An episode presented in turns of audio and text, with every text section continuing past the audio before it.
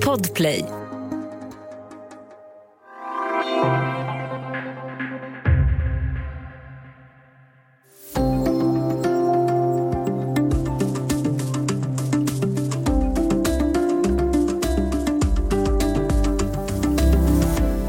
Kvinna har mens i omkring sex år av sin livstid om man lägger ihop alla mensveckor. För många är mensen förknippad med värk, dåligt humör och ovälkomna vardagshinder. En del har verkligen stora besvär ett par dagar i månaden. Nu väljer allt fler att helt skippa mensen. Men finns det bara fördelar med det? Välkommen till Studio DN. Jag heter Sanna Thorén Björling.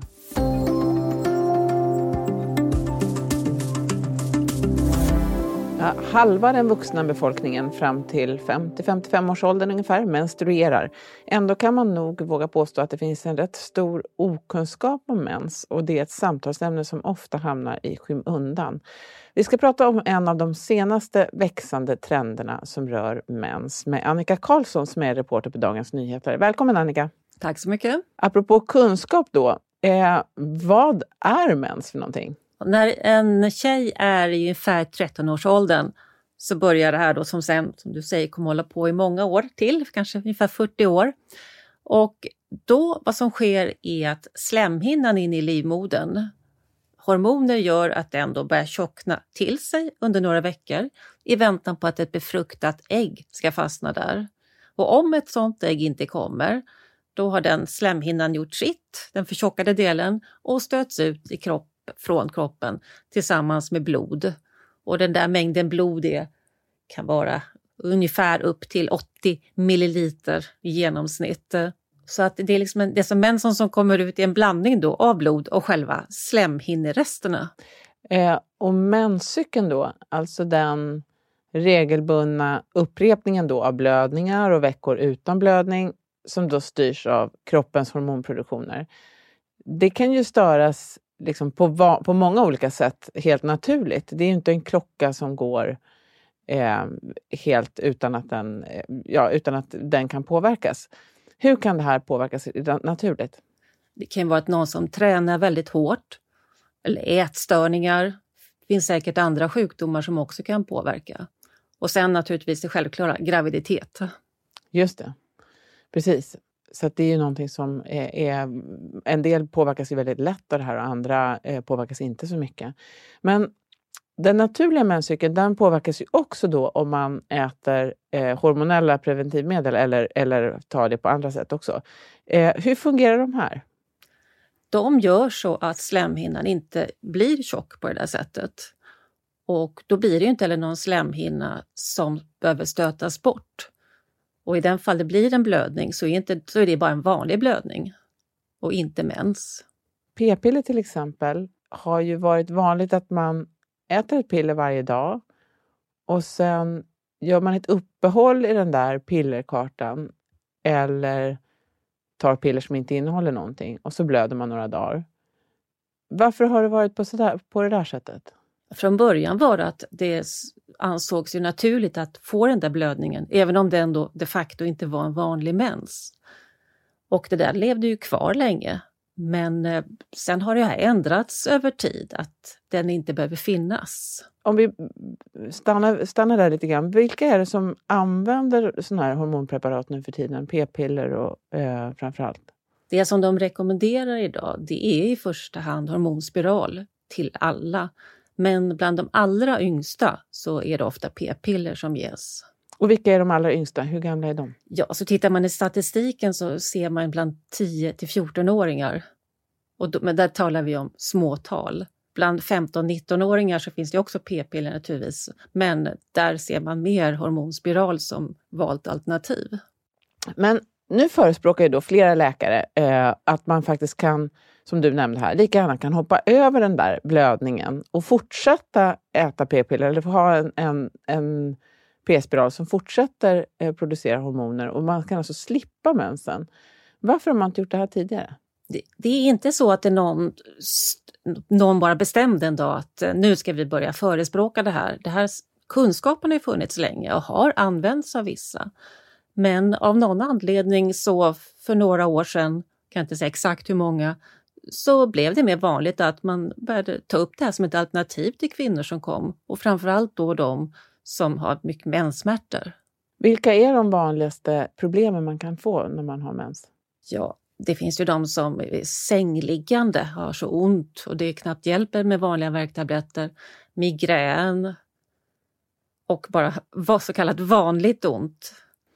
Och eh, det är ju, det kanske vi ska säga också, att det är ju ett ganska vanligt skäl till att man äter, eh, tar hormonella preventivmedel. Det är inte för att inte bli gravid utan det finns ganska många som tar det för att slippa de här besvären, är det inte så? Hur det ser ut statistiskt vet jag inte men naturligtvis finns ju båda allt orsakerna till att man väljer det. Mm. Vi ska alldeles strax prata mer om konsekvenserna av en utebliven mens.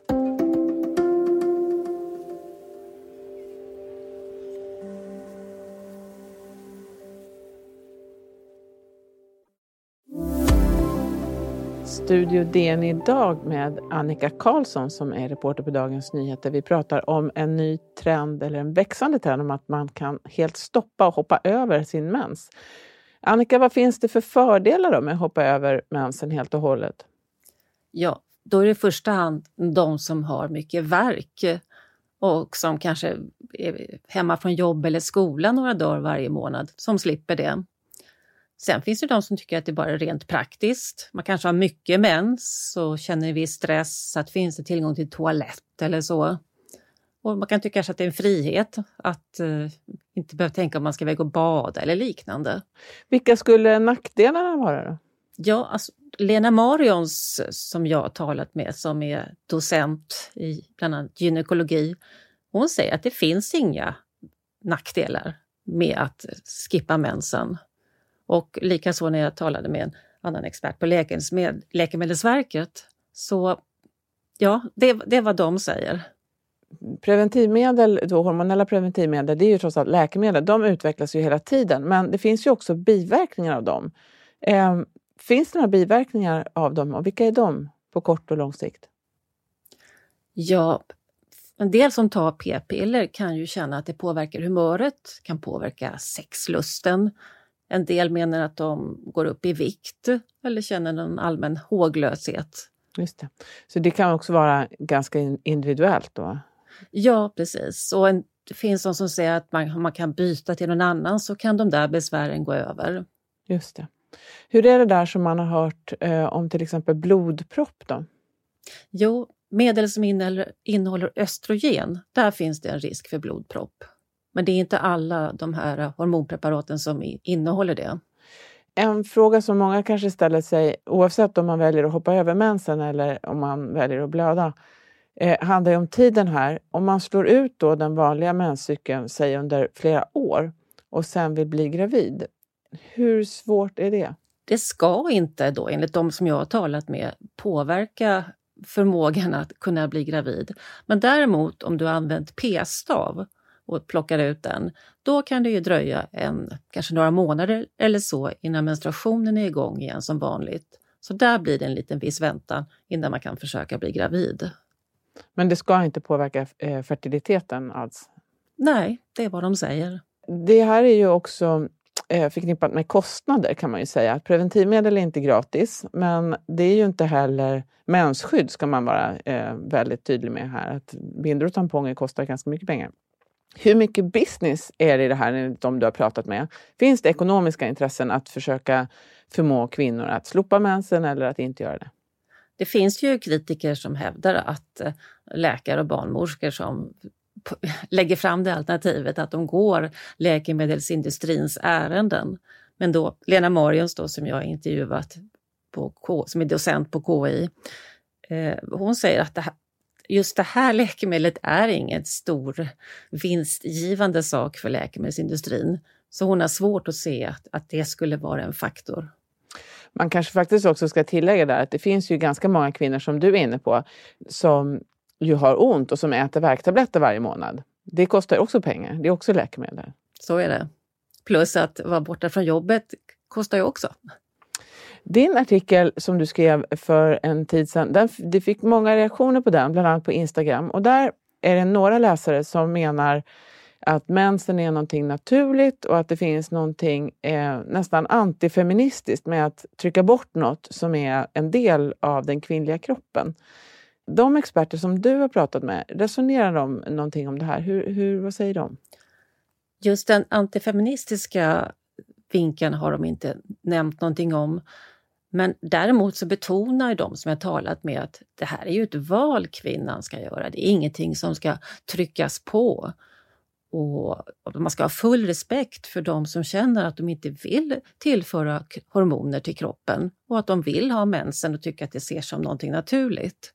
Och att man ska, som sagt, att vilket val man än gör som kvinna så ska det respekteras. Man kan väl också tänka sig att, eh, jag menar förr i världen, då var det ju kanske, då, eh, om man nu för tiden har mens i sex år, Tidigare så fick ju många kvinnor många, väldigt många fler barn och hade inte lika mycket mens. Hur stor roll tror du att det där spelar för hur läkarna ser på det här? Det har jag faktiskt inte funderat på. Om det kanske... Ja, säg det. Ja, det vet jag faktiskt inte. Jag tror mer att det de utgår från är framförallt eh, att kvinnor som... Det är ju ganska många som har ont och att det här är ett sätt för dem att slippa sina besvär.